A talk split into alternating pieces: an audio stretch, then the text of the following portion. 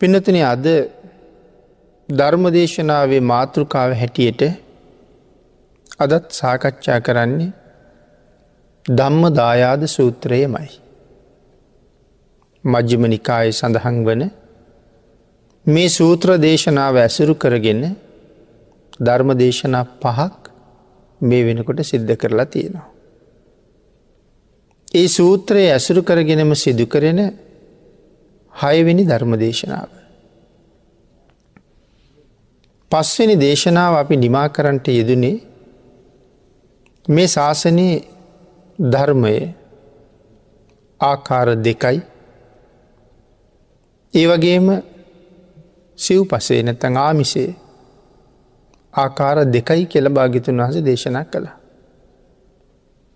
ධර්මය ආකාර දෙකයි කියල කියනකොට පරියාය ධර්මය හා නිෂ්පරියාය ධර්මය.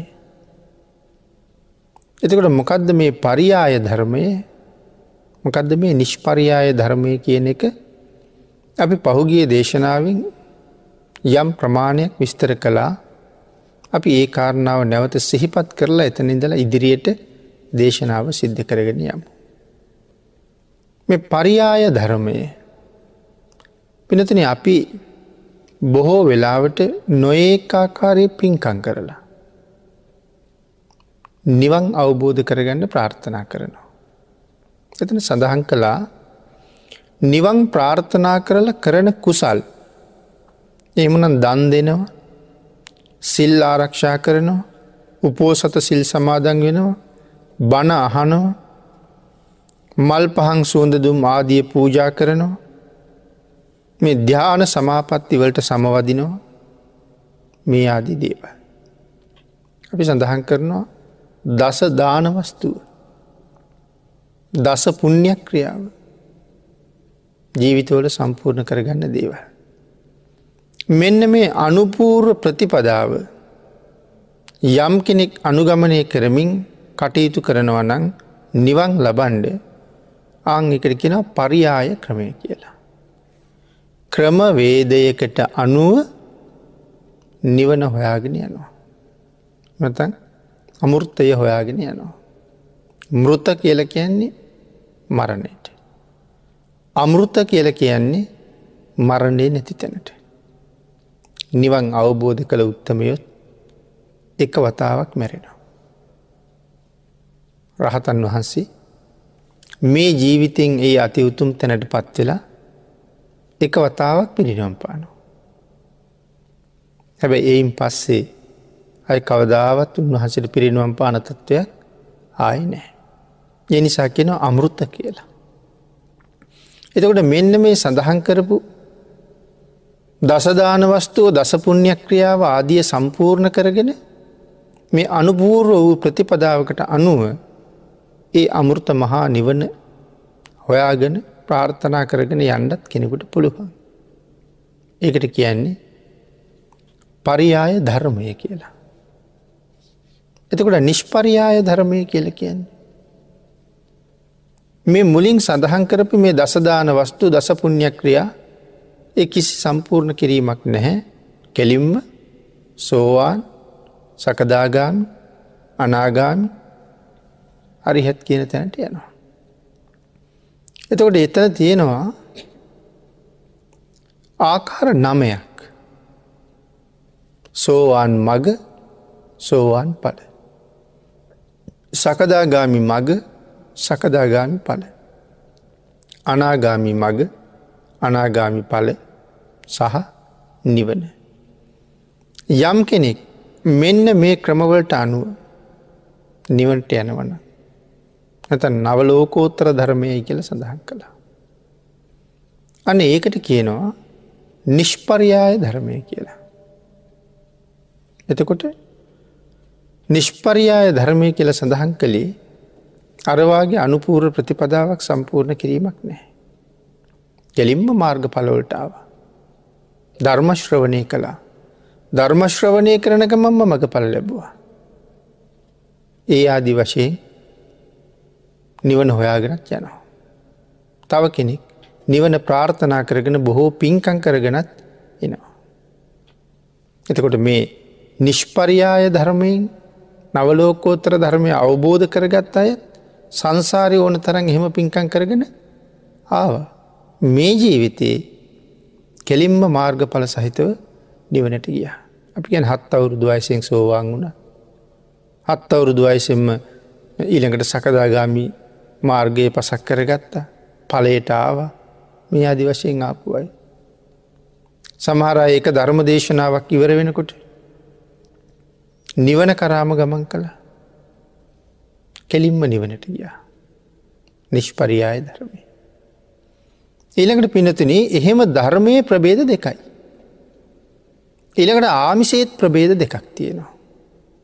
මොනවද මේ ආමිස කියල කියන්නේ චීවර පින්ඩපාත සේනාසන ගිලානක් ප්‍රත්තිය.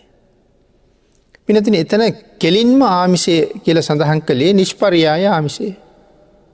ඒ තමයි චීවර පින්ඩ පාත සේනාසන ගිලානක් ප්‍රත්තිය. එතකොට පරියාය ආමිසය කියල සඳහන් කළේ.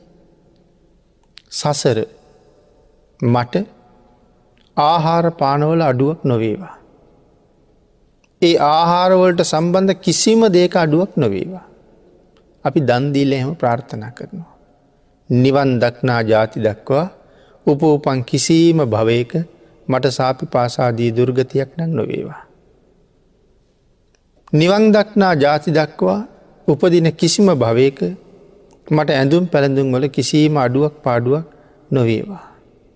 රුව ලස්සනවල කිසිම අඩුවක් නොවේවා. අපි එහෙම ප්‍රාර්ථනා කරනවා. එකට ගෙවල් දරවල් වල යානවාහනවල අඩුවක් නොවේවා. ලෙඩරෝග කම්කටුළු ඇති නොවේවා.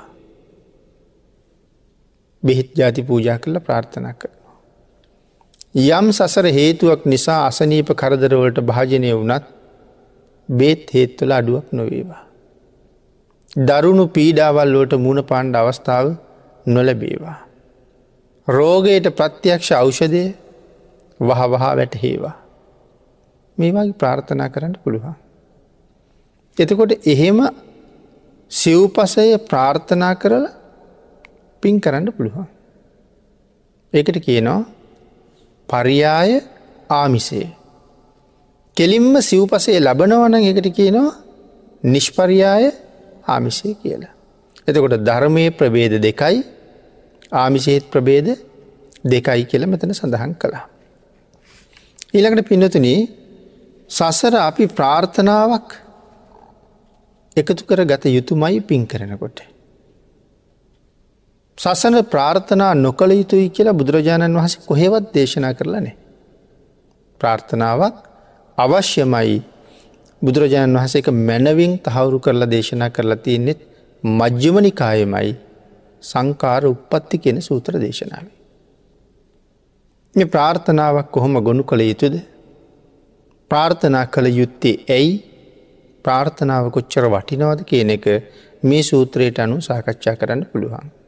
වන සූත්‍රයේද සංකාර උපපත්ති කියන සූත්‍ර දේශනාවට අනුව. පිනතුන මේ භාගිතන් වහස දේශනා කරපු මේ ක්‍රම දෙකම ඉපදුනේ බුදුරජාණන් වහන්සේගේ හිත තුළ. පරියාය ක්‍රමයයි නිෂ්පරියාය ක්‍රමයයි. දෙකම භාගිතුන් වහන්සේගේම හිත තුළ තමයි ඉපදුනි. අන්න ඒක නිසා තමයි මේ කාරණාවට බුද්ධ ධර්මය කියල කිය. ලොවතුරා බුදුරජාණන් වහන්සේගේ නික්ලේශී හදමඩල තුළ ඉපදිච්ච නිසා. අපි ඒ ධර්මයට කියනවා බුද්ධ ධර්මය කියලා. සැරියුත් මහරහතන් වහන්සේගේ හිතේ තනියම ධර්මය උපදින්නේ නෑ කියල සඳහන් කළා. ඇයි මෙතෙන්ට සැරියුත් මහරහතන් වහන්සේම ගත්තේ මේ ශාසනයේ ධර්ම බාණ්ඩාගාරි ධර්ම සේනාධිපති බාණ්ඩගාරික කියන්නේ ආනන්ද හාමුදුරුවන්ටන ධර්ම සේනාධිපති. සෝවාංවෙන්ඩ කලින් මග පල ලබන්ඩ කලින් උන්වහන්සට කොච්චර ප්‍රඥාවක් තිබුණද. මාර්ග පලවලට එන්ඩ කලින් අපිට තේරෙන් නෑයක කොහොමවත්. සඳහන් කරනවා මහා කල්පයක් පුරාවට. එක දිගටම පායන්නේ නැතුවම වහිනවා. මහා කල්පයම වහින. හිතන්ටක අවුරුද්දක් එක දිගටම වහිනවා කිව්වොත් කියලා. අවුරුද්දක් එක දිගටම රෑදවල් දෙකේම පායන් නැතුවම වැස්සොත්. ඒ වැස්ස පටන්ගත්ත දවසින්දලා අවුරුද්ධ අවසාන වැස්ස ඉවර වෙන කාලයනකොට. ඒ වැස්සෙන් මහපොලෝට වැක්කිරිච්ච වැහිබින්දු ගාන කොච්චරද කියලා කියන්න පුළුවන් හැකියාව සැරියුත් මහරහතන් වහසට තියෙනවා. ඒ මාර්ගඵල ලබන්ට කලින් මයි රහත්වෙන්න කලින් මයි. නමුත් මෙතන කතා කරන්නේ අවුරුද්ධක කතාවක් නෙම මංගොක තේරුම් ගණ්ඩ අවුරුද්ධට කිවේ. නමුත් ධර්මය සඳහන් කරන්නේ මහාකල්පයක් පුරාව වැැක්කෙරෙන මහවරුසාාවක වැහිබින්දු කොච්චර වැටුනද කිය ලැහුවොත් අය හිතන්නේ නෑ. අහලා ඉවර වෙනකොට උත්තරෙත් දීල ඉවරයි. ඒත් තරම් මහ පුදුම ප්‍රඥාව. ඒ ප්‍රඥාව ගැන අපිට පින්නතුනි කවදාවත් තේරෙන්නේ න. ආං එහෙම මහා ප්‍රඥාවක් තිබිච්ච මේ මහ උත්තමය. රාගයේ ඇලීමක් කොහොමොත් තිබුණි නෑ. පංචකාමයේ ඇලීමක් නම් ඇත්තෙම නෑ. රාගේ ඇලීමක් ඇත්තෙම නෑ කියල කියහම. සැරියුත් මහරහතන් වහන්සේ හඳුන්නුවේ තවත් විශේෂ නමක් තමයි අපි බ්‍රහ්මචාරී කියන වචන ඕන තරන් හලතිනවා. සැරියුත් මහරහතන් වහන්සේ හැඳින්වේ අත්‍යන්ත බ්‍රහ්මචාරී කියලා.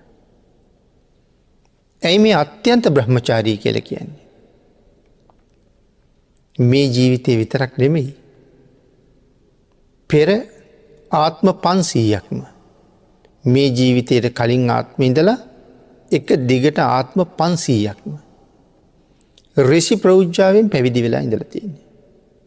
එක නාත්ම පන්සීයම බ්‍රහ්මචාරී. එතකොට මේ අපි දන්න සාමාන්‍ය බ්‍රහ්මචාරී නෙම අත්‍යන්ත බ්‍රහ්මචාරී කළමන් සඳහන් කළන්නේ. ආන්ගේ නිසා පැහැදිලි කළා මේ ආත්ම පන්සීයම යටත් පිරිසෙන් රාගසිත් උපදවාගෙන තමන්ගේ ශරීර අවයව තමන්ගේ අතින්වත් ස්පර්ශ කරලා නෑ කියලා. ආත්ම පන්සීය. එතකොට ඒක කොයි තරන් උසස් තත්ත්වයක්ද. මොන තරම් පාලනයක්ද කොයි තරං හැකියාවක්ද කොයි ආකාරයේ සංයමයක්ද කියන අපිට තේරෙන්නවත් තේරෙන්නවත් නෑ. එහිනම් පෙර ආත්ම පන්සීයක් මේසේ වෙච්ච මහෝත්තමයන් වහන්සේගේ මෙදා ජීවිතය ගැන කතා කරන දෙයක් ඇත්තෙමත් නෑ. එතකොට සුළු පටු ධනයක් තිබිච්ච කෙනෙක්ද. රන් කහවනු කෝටි අසූදාහක් ධනය. කෝටි අසූදාහක් කියල කියහම්. කෝටි අසුව. හතලිස් කෝටියක් අසූ කෝටියක් ධනය තිබ්බ කියල සිටුවරු ගැන අපි කතා කරන්නේ. හතලිස් කෝටියක් ධනය තියෙනවන සාමාන්‍ය සිටුවරේ. අසූ කෝටියක් ධනය තියෙනවන මහසිටුවරේ. එතකොට සාරිපුත්තයන් වහන්සේ මහසිටුවරේ අසූ කෝටියක් ධනය. දෙ අසූ කෝටියක් ධනය කියල කීවහම පින්නතන අපිට තින කෝටිය අසුවක් වෙන්ඩ ඇති කියලා. මොන කෝටි අසුවක්ද මෙතන තියෙන රං කහවනු කෝටි අසුවක්. එතකොට මේ එක රන් කහවනුවක් සාමාන්‍යෙන් සඳහන් කරන්නේ දළ වසයෙන් කොච්චරක් කියලද. එක කහවනුවක් වර්තමානය නං පවුම් පහක් කියලා. එහෙම සැලකුත් පවුම් පහේ වුවක් කෝටි අසුවක්. අද පවුමක් ලක්සකට ආසන්න වෙනකොට එතකොට එක කහවනුවක් අද සාමාන්‍යයේ ලක්ෂ හතර හමාරක් ලක්ෂ පහක් විදිර වටිනවා. අද හැටියට. ඒක කාලින් කාලිට වෙනස් වෙනවා. නමුත් ඒවාගේ මහ කෝටිපතියෙක් කහවනු කෝටි අසුවක් පෙන්නලත් ගිහි ගෙතර නවත්ත ගන්න බැරිවුණා. ඒත් තරම්ම අත්හැරීමේ ප්‍රතිපදාව තිබුණ. එතකොට අත්‍යන්ත බ්‍රහ්මචාරී මේ තරං මහ දනස්කන්දයක් අත්හැරිය මාර්ගඵල ලබන්ඩ කලින්ම අර තරං මහා ප්‍රඥාවන්තයි. නමුත් සඳහන් කරන්න මේ කරුණු ටික පැහැදිලි කළේ ඒ මහා ප්‍රඥාවන්තයාගේ හිතේවත් තනියම මාර්ගඵල ඉපදුන්නේ. මේ තරන් අත්තරල හිටියත් අච්චර ප්‍රඥාවක් තිබ්බනං සෝවාන් වෙන්නේ කොහොමද කියලා දැනගැට තිබුණ නැද්ද. ආංඒකයි සඳහන් කළේ මහා කල්පයක් පුරාවට වහින වැස්සක වැහි බින්දු ගණන කියන්න තරම් ප්‍රඥාවත් තිබුණත්. සෝවාන් වෙන්නේ කොහොමද කියල දන්නේ දන්නේ නෑ. එතකොට මේ ශාසනයේ මේ මග පල කියන එක සාමාන්‍ය තත්ත්වයක්න. එනම් සෝවාන් වෙන හැටි කාගෙන්ද ඉගෙන ගත්තේ අස්ස ජීමහරහතන් වහසේ. ඒ දම්මා හේතු පබවා තේ සංහේතුන් තතාගත්තුවාහ ඔය පද දෙක කියල ඉවරෙනකොට මේ මහා ප්‍රඥාවන්තයා දහසක් නයිම් ප්‍රතිමණ්ඩිත අති උතුම් සෝවාන් ආර්ය මාර්ග පලේටාවා. නමුත් මේක තනියම අවබෝධ කරන්න බැරිවුණ. අන්න ඒකයි සඳහන් කළේ සැරියුත් මහරහතන් වහන්සේගේ හිතේවත් මේ ධර්මරත්නය උපදින්නේ නෑ කියලා. එනම් ධර්මය උපදින්නෙම උපදින්නෙම බුදුරජාණන් වහන්සේගේ හිතේ විතරයි. භාගිතුන් වහන්සේගේ නික්ලේසී හද මණ්ඩලේ විතරක්ම ඉපදිච්ච නිසා මේ ධර්මය කොහාටවත් කලවන්නේ. අති සුපිරිසිදු වූ ධර්මස්කන්දය ඒක නිසා මේකට කියනවා බුද්ධ ධර්මය කියලා. එහි අයිතිය කාටද තියෙන්නේ බුදුරජාණන් වහන්සේට විතරමයි ධර්ම සේනාධිපතින් වහන්සේටවත් මේ ධර්මරත්නය අයිතිය නන්දීලා අයිතිය නන්දීලනෑ. ඒ ඒ තරම්ම නිවැරදිව මේ ධර්මය ඉදිරියට පවත්තන්න ඕන නිසා. ආගේ හින්ද පින්නතු සඳහන් කළා සංසාරය ප්‍රාර්ථනා කරල දන්දුන්නොත් පන්සිල් උපෝසත සිල් ගත්තොත් බ්‍රහ්මලෝක උපදින්ට හිතාගෙන ධ්‍යාන අභිග්ඥා වැඩුවොත් ඒකට කියන්නේ පරියායාමිසයයි කියලා. එන මේ පරියාය ක්‍රමයත් නිෂ්පරියාය ක්‍රමයත් දෙකම දේශනා කරන්නේ බුදුරජාණන් වහන්සේමයි. මේ දෙකෙම්ම සංසාරි කෙරවල හොයාගෙන යන්න පුළුවන්. නමුත් පිඩතන සඳහන් කළා මේ කරන කුසල් නිසා නැවත සිව්පසේ වගේම දෙව්මිනිස් සම්පතුත් අපිට ලැබෙනවා. සිව්පසයත් ලැබෙනවා දිවියලෝකෝල මනුස්සලෝකොල ඉපදින්ට අවස්ථාවත් ලැබෙනවා. මෙන්න මෙතන සඳහන් කරනවා මේ සසර දික්වෙලා යන ක්‍රමයක් ගැනත්. සංසාරය දික්කරන කුසල් උනදි සංසාරය දික්කරන කුසල් කියල කියන්නේ එක තමයි මේ පරියාය කුසලේ. මේ පින කරහම දිවිය ලෝකෙක ගිහිල්ල ඉපදෙනවා. අපි ප්‍රාර්ථනා කරනවා. මේ පින්කං කරපු ආනුභාවයෙන් මට දිව්‍ය මානුසික සැපසම්පත් අඩු නොවේවා. කෙලවර අතිවුතුම් අමාමහ නිවන ප්‍රත්‍යක්ෂ වේවා. ඒකනෙ දෙව්ලොව සැපවිඳල මනුලොව සැපවිඳල කෙලවර තමයි අපි නිර්වාණ සම්පත් ප්‍රාර්ථනා කරලා තියෙන. සසර දික්කරන කුසල් කියල ඒවට සඳහන් කළා.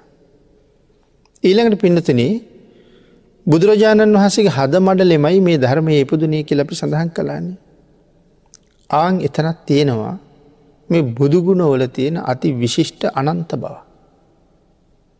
ඒ කොහොමද සඳහන් කලා අපට ලැබෙන නිෂ්පරියාය හා පරියාය ධර්මයත් එහෙම නැත්තං කෙලින්ම මාර්ගඵල කෙරවල නිවනත් එහෙමත් නැත්තං දන්දීල සිල් රැකල ක්‍රමාණුකූලෝ නිවනට යන ක්‍රමයකුත් ආදී වශයෙන් ක්‍රම ගණනාවක් ක්‍රම හතරක් පැහැදිලි කළ. පරියාය ධර්මයයි නිෂ්පරියාය ධර්මයයි පරියාය ආමිසයයි නිෂ්පරියාය ආමිෂයයි. මෙහෙම ක්‍රම කීපයක් අපි සාකච්ඡා කළා. අන්න ඒ ක්‍රම දෙකේම මේ මාර්ගඵල නිවන් භාවනා කරලා උපදවන යම් මාර්ගඵලයක් තියෙනවනන් ඒ සියලු ධර්මයන් බුදුරජාණන් වහන්සේ සතුයි කියල කියෙන්. එක තවටික අපි පැහැදිලි කිරුවොත් අපි කෙලින්ම මාර්ග පලෝලට ගමන් කරනවා එකට කිව්වා නිෂ්පරියාය ධර්මය කියලා. එම නැත්තන් පින්කරගෙන පින්කරගෙන ඇවිල්ල නිවන් කරා ගමන් කරනවා මාර්ග පල ලබනවා එකටික පරියාය ධර්මය කියලා. මේ පරියාය ධර්මයයි නිෂ්පරියාය ක්‍රමයයි දෙකම ඉපදුනේ බුදුරජාණන් වහන්සේගේ නික්ලේශී හදමඩලි කියලත් සඳහන් කළා. අන්න ඒක නිසා මේ භාවනා කරලා උපදවන මාර්ග පලයත් කාට දයිති බුදුරජාණන් වහන්සේට. අපි ලබන දෙව්මිනිස් සැපේ අයිතිය තියෙන්නේ භාවනා කරලා උපදවන මාර්ග පලේ අයිතිය තියෙනෙත් කාටද බුදුරජාණන් වහන්සේට. එතකොට අපි භාවනා කරලා නං මාර්ගඵල ලැබුවේ කොහොම දෙක බුදුරජාණන් වහසට අයිතියක් තියෙන්නේ. භාවනා කරන හැටි අපි දැනගෙන හිටියත් නෑ.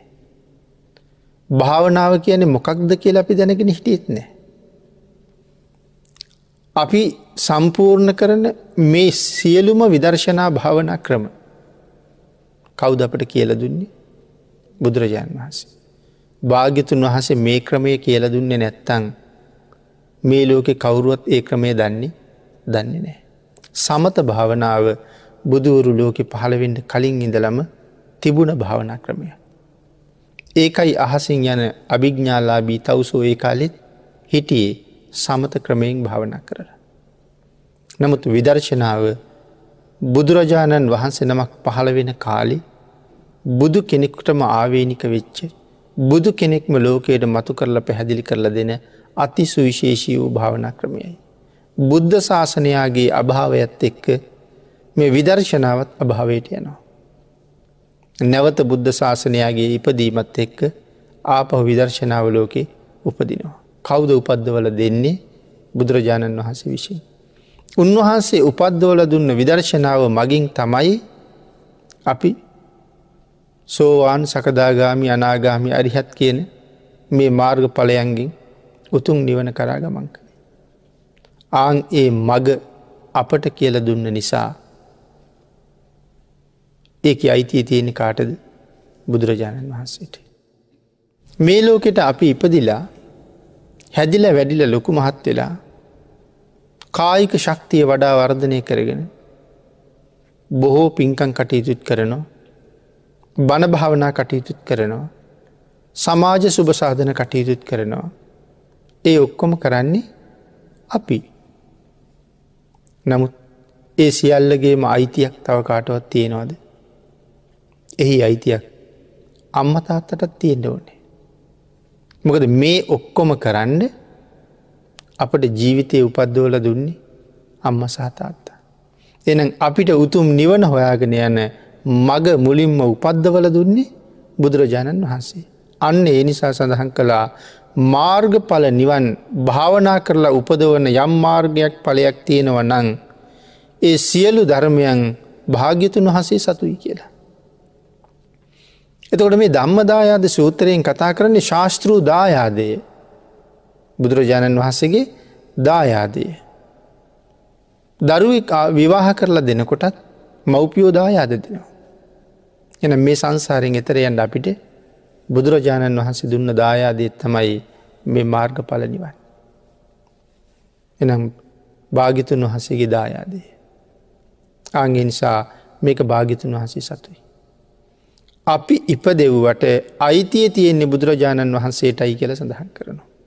උපදව ගත්ත අපි අයිතිය භාගිතුන් වහසේගේ. අන්න ඒ නිසා ඒ කොහොමද කියන කාරණාව මෙන මෙහෙම විස්තර කරනවා. අපි දැන් ටිකක් සාකච්ඡා කළා තවත් විස්තර කරනවා මේ විදිහට සෝහි බ්‍රහ්මණ භගවා බ්‍රාහ්මණය ඒ භාග්‍යතුන් වහන්සේ. අනුපන්නස්ස මක්ගත් මක්ගස්ස උප්පාදීතා. ඒ භාගිතුන් වහන්සේ ඉපදුනේ නැති මාර්ගය උපද්දවල දෙනවා. අනුපන්නස්ස මක්ගස්ස උප්පාදේතා. ඒ භාගිතුන් වහන්සේ ඉපදුනේ නැති මග උපද්දවල දෙනවා. පිනතනි කාශ්‍යප බුදුරජාණන් වහන්සේගේ කාලී. කාශ්‍යප භාගිතුන් වහන්සේගෙන් පස්සේ කාශ්‍යප බුද්ධ ශාසනය නැති වෙලා ගියා. අතුරු දහන් වෙලා ගියා. කාශ්‍යප බුදුරජාණන් වහන්සේගේ ශාසනයත් සෝවන් ආරයන් වහසල හිටිය. සකදාගාමි අනාගාමි අරිහත් උත්තමයන් වහන්සේල හිටිය. පස්සෙ කාලි ධර්මය අතුරු දහන් අතුරු දහන් වෙලා ශාසනය ඉවර වෙලා ගිය. ශාසනය ඉවර වුණාට පස්සේ ඒ මාර්ගඵලලාබින් කවුරුවත් බිහිවුණේ බිහිවුණේ නෑ. නමුත් ඒ බිහිවෙන ක්‍රමය ලෝකෙන් අතුරු දහන් වුණාද ක්‍රමය අතුරු දහන් වනේ නෑ ක්‍රමය දන්න අය නැතුව ගියා. ඒකයි වෙන්න ක්‍රමය දන්න අය නැතුව යනවා. නමුත් අපේ බුදුරජාණන් වහන්සේගේ කාලේ මේ මාර්ගය එලි කරලා පෙන්නවා. අතුරු දහන් වෙලා තිබිච්ච වැහිල තිවිච්ච මාර්ගය එලි කරල පෙන්නවා. ශාසන අන්තර්ධානයෙන් පසුව ඒ මග නැවත නැති වෙලා යනවා බුදුරජාණන් වහන්සේ නැවතවතාවක් බුදු කෙනෙක් ලෝකෙ පහළ වෙච්චහම නැතිවෙලා වැහිල ගියපු මග ආපහු එලි පෙහෙලි කරලා පෙන්නනවා. නැවත දැන් අපේ බුදුරජාණන් වහන්සේ තමයි මේ කාලෙට ඒ මඟ අපට එලි කරලා පෙන්නලා පෙන්නලා තියෙන. පැහැදිලි කරලා අපට ඒ මඟ උපදෝල දුන් නාං එකට කියනවා අසංජාතස්ස මග්ගස්ස සංජාතු. තම නොදත් මාර්ගය ඇති කරවනවා. බුදුරජාණන් වහන්සේ නම නොදන්නා මග ඇති කරවලා දෙනවා උපද්ධවල දෙනවා. මුලින් සඳහන් කළා ඉපදුනේ නැති මාර්ගයේ උපද්ධවල දෙනවා. ඉළඟට සඳහන් කරනවා නොගත් මාර්ගය ඇති කරනවා. ඒ බුදුරජාණන් වහන්සේලගේ ක්‍රමය බුදුරජාණන් වහන්සේලට විතරයි ඒක කරන්න පුළුවන්කම තියෙන. අනක්කාතස්ස මග්ගස්ස අක්කාතා ප්‍රකාශ නොකරන ලද මාර්ගය ප්‍රකාශ කරනවා. ඉළඟට සඳහන් කළා මග්ගඥු බුදුරජාණන් වහසේ කියන නම මග්ගඥු මාර්ගය හොඳට දන්නවා. මග්ග විදු මාර්ගය ගැන සියලුම දේ දන්නවා. මාර්ගය හොඳට දන්නවා මාර්ගය ගැන සියලුම දේ දන්නවා. මග්ග කෝවිදෝ මාර්ගය ගැන සියලුම අංගයන් පිළිබඳව දක්ෂතාවයක් තියෙනවා. සියලු ආකාරයන් පිළිබඳව දක්ෂතාවයක් තියෙනවා. එකට කියන මග්ග කෝවිදූ කියලා.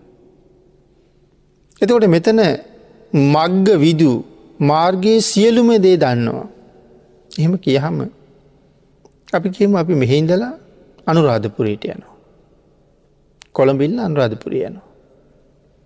කොළඹින් පටන්ගත් හම අනුරාධපුරයට යන පාරේ පල්ලං කීයක් කම්බ වෙනවාද.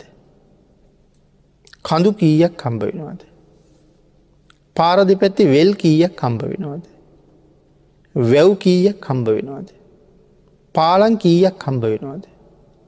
බෝක්කු කීයක් කම්බ වෙනවාද. රේල් පාරවල් කීයක් හරහට මාරු වෙනවාද.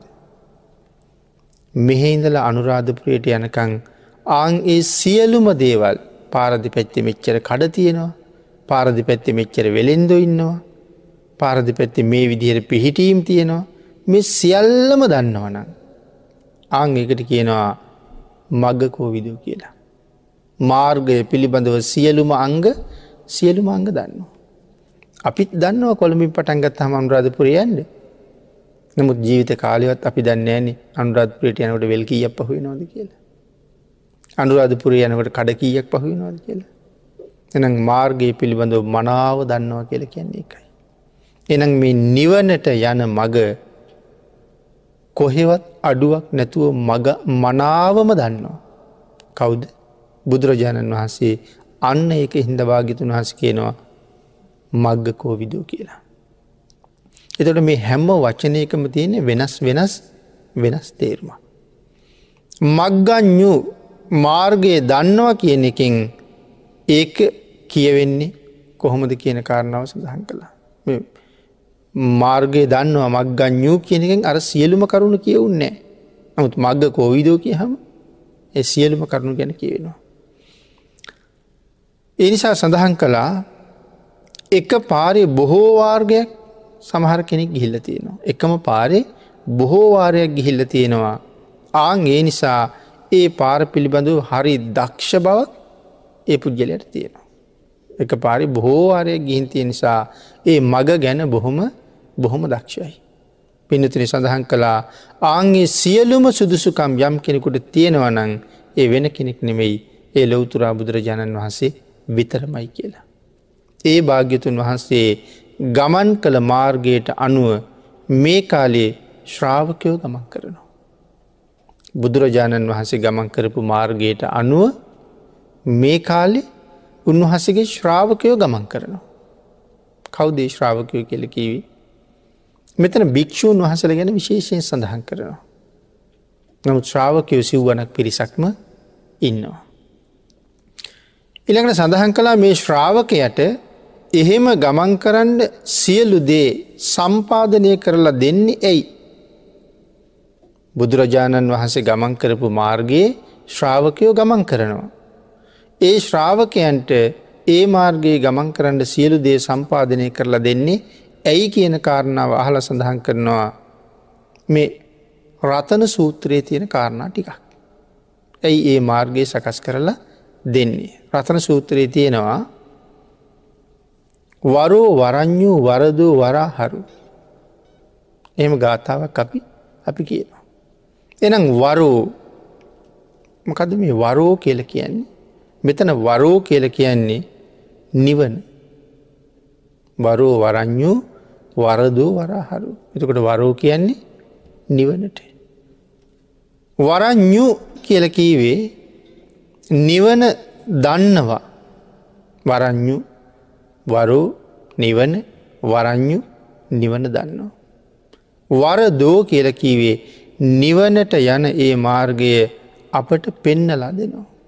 වරු වරං්ඥු වරදු නිවනට යන පාර අපිට පෙන්නලා දෙනවා. එළඟට වරාහරු නිවන් මාර්ගය තමා ඉදිරියේ එලනවා. භාගිතුන් වහස පිළිබඳව මොන තරං ශ්‍රද්ධාවක් ඇති වෙනවද මේ කරුණු වැටහෙනකොට. වරෝ කීව නිවනට වරං්ඥු කියල කිව්වා නිවන දන්නවා වරදෝ කිවා නිවනට යන මාර්ගය අපට පෙන්නලා දෙනවා වරා හරෝ කිව්වා ඒ නිවනට යන පාර අපි ඉදිරියේ එලනවා. මොකද දැන් නිවනට යන පාර අතුරු දහන් වෙලාන් තිබ්බ කාශප භාගිතුන් හසගෙන් පස්සේ. දැන් නැවත ඒ මාර්ගය මතු කරලා අපි ඉදිරියේ නිවනට යන මාර්ගය එලනවා. මෙන්න මේ පාරයන්ට ඔය පාරයෙන් දෙපා මේක යන්න කියනවා වගේ පාර එලනවා. නිවනට යන මග එලනවා. කාට නිවනට යන්ඩද අපට නිවනට යන්ට.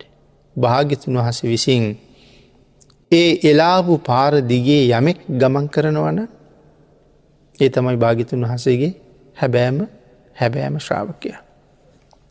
ඉළකට සඳහන් කළා නිවනට යන මග තමන් ඉදිරියේ එලනවා එහෙම සඳහන් කරහම තමන් ඉන්න තැන ඉඳලා නිවනට යන තනි කෙලින් පාර.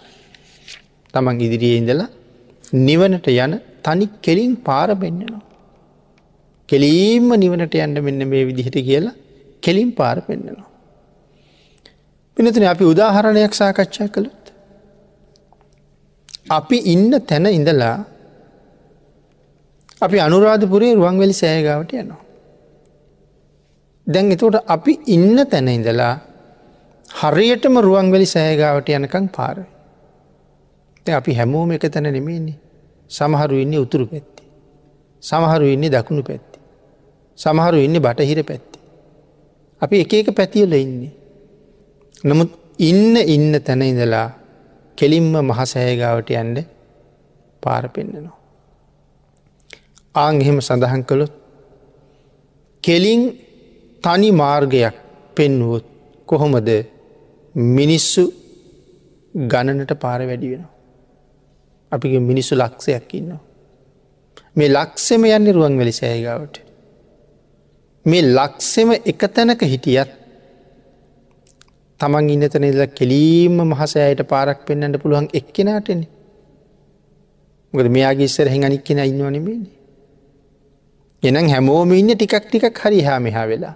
එතකොට මේ දිසා දිසාවලින් වටේටම ඉන්නකොට හැමෝටම කෙලීම පාරක් පෙන්න්න ඕන මහසෑගවට. එතකොට පාරවල් කීයක් පෙන්න්න ඕනෙද ලක්සකට පාරවල් ලක්ෂයක් පෙන්න්න ඕනේ. අන්න ඒ වගේ බුදුරජාණන් වහන්සේ එකින එකට වෙනස් චරිත අසූ හතරදාහකට මාර්ගය වෙන වෙනම පෙන්න්නනවා කෙළ සඳහන් කරනවා. විවිධ චරිතන තියෙන මිනිස්සු ගාව. එනම් එකින එකට වෙනස් චරිත අසූ හතරදාහකට. කෙලිම්ම පාර පෙන්න්න නොල්ලු නිවනට. ඒක භාගිතුන් වහන්සේට විතරක් තියෙන අති සුවිශේෂී හැකියාව. වරා හරු කියලකිවේ නිසා. කෙලින්ම පාර පෙන්න්නනවා. මගේ පෞද්ගලික පාර මට පෙන්න්නනවා කියන එකයිම කියන්නේ. මම නිවන ගාවට යන හැටියට මේ පින්නතුන්ට යන්නත් බෑ. මේ පින්නතුන් මෙතන ඉන්න දහදොළොස් දෙන ඒ ඔක්කොටම එකම පාරයන්න බෑක එක්කෙනගේ කුසලේ වැඩිල්ල තියෙන හැටි වෙනස්. එක එක්කෙනගේ ශ්‍රද්ධාවේ ප්‍රමාණය වෙනස්. එක එක්කෙනගේ මාර්ගය දකින හැටි වෙනස්. එනම් දහ දෙනෙක් ඉන්නවනං දහ දෙනාට මාර්ගදහය පෙන්න්නට ඕනේ. දෙන්නෙක් එක පාරයන්න ඒ තරං සුදුසුකං නෑ. අන්න ඒ නිසයි මෙතන සඳහන් කළේ හැම කෙනාටම වෙන්න වෙනම පාරක් පෙන්න්නනවා කියලා. තමන්ගේ උසස් පහත් භවේ ප්‍රමාණයට අනුව පාර පෙන්න්නවා. ඉහලට ගිය කෙනාටත් පහළම ඉන්න කෙනාටත් තමන් ඉන්න කොත නැද එතන ඉඳල නිවනට යන මඟ පෙන්න්නනවා. සෝවාන් වෙච්චාරි ශ්‍රාවකයන් වහන්සේට ඔතන ඉඳලා නිවනට කොහොම දෙයන්නේ. තිසරණ සහිත පන්සිල් තියෙන කෙනාට ඔතන ඉඳලා නිවනට යන්නේ කොහොමද. තාම තිසරණයටවත් ඇවිල්ල නැති පෘතජ්ජන සීලවන්තයට දුස්සීලයටත් පාර පෙන්න්නනවා ඔය ඉන්න තැන ඉඳලා නිවනට යන්නේ කොහොමද. යා කොච්චර දේවල් සම්පූර්ණ කරගෙන ආවයුතුද. ආංඒකයි කිවේ ඉහළම තැන ඉන්න කෙනාටත් පහළම තැන ඉන්න කෙනාටත් මේ නිවනට යන තැන හරියටම භාගිතුන් වහස පෙන්න්නනවා. කෙලින්ම පාර පෙන්න්නනවා. ආගේ එකින එකට වෙනස් චරිත අසූ හතරදාහකට නිවනට යන මඟ පෙන්නන්ඩ භාගිතුන් වහසිර තිබුණ විශිෂ්ට හැකියාව නිසා. අපි වරාහරෝ කෙල බුදුරජාණන් වහන්සේට සඳහන් කළා. මේ රතන සූත්‍රය තිබිච්ච කාරණා කීපයක් පැහැදිල් කළේ. ඔය සූත්‍රයේ තියෙන හැම ගාථාවක්ම මෙහෙම මෙහෙම අධ්‍යයනය කරගත්තුත් කොයි තරං ශ්‍රද්ධාවක් උපදීද මේ සූත්‍රයේ මොන තරං විශිෂ්ටද මේ සූත්‍රය මේ තරං විශිෂ්ට බවක් පෙන්නෙනවා නං බුද්ධ ධර්මය කොයි තරං ශ්‍රේෂ්ඨ ඇද්ද. පිනතුන මෙන්න මේ පෙන්නපු මාර්ගයෙන්ම කෙනෙක් ශ්‍රද්ධාවෙන් යනවනන් අන්න ඒකට කියනවා උජ්ජු පටිපන්නයි කියලා. කාට ද අපි උජු පටිපන්න කියල කියන්නේ. මහා සංඝයා වඳිනකොට කියන එක ගුණයක් උජු පටිපන්නෝ භගවතුෝ සාවක සංගු. එතකොට ඇයි උන්වහන්සලට උජු පටිපන්න කියල කියන්නේ. මෙන්න මේ බුදුරජාණන් වහන්සේ පෙන්නලා තියෙන මාර්ගයෙන් ඉතාමත්ම ශ්‍රද්ධාවෙන් යුක්තව ඒ නිවනට කෙනෙක් ගමන් කරනවා නම්. නිවන කරා යන ඒ රිජු මාර්ගය අපි සඳහන් කරන කෙලින්ම පාර පෙන්න්නනවා කියලා. ඒ රිජු මාර්ගයේදිගේ යමෙක් ගමන් කරන නිසා. ආංගේ ගමන් කරන අයට කිව්වා උජු පටිපන්නයි කියලා. එමන පිනතින ධර්ම දේශනාවට තියෙන කාලයක් නිමා වෙලා තියෙන නිසා. මේ උතුම් ධම්ම දායාද සූත්‍රයේ ගැඹුරු සූත්‍ර දේශනාවක්. සමහර වෙලාවට අපි සාකච්ඡා කරපු කොටසත් ටිකක් ගැඹුරුයි වගේ හිතෙන්ට ඇති. නමුත් වරක් දෙවරක් අහනකොට මේක හරි සරල දහම් කොටසක්. අපි මුලින් මැහුවන සමහරලාට අපිට ගැඹුරුයි නමුත් තේරුම් යනකොට ලොකු ශ්‍රද්ධාව. වරක් දෙවරක් කෝශ්‍රවනය කරලා මේ කාරණාව තේරුම් ගණ්ඩ අපි පිනතුන් සියලු දෙනාටම රත්නත්‍රී ආශිර්වාදය ලැබේවා කියල ප්‍රාර්ථනා කරනවා.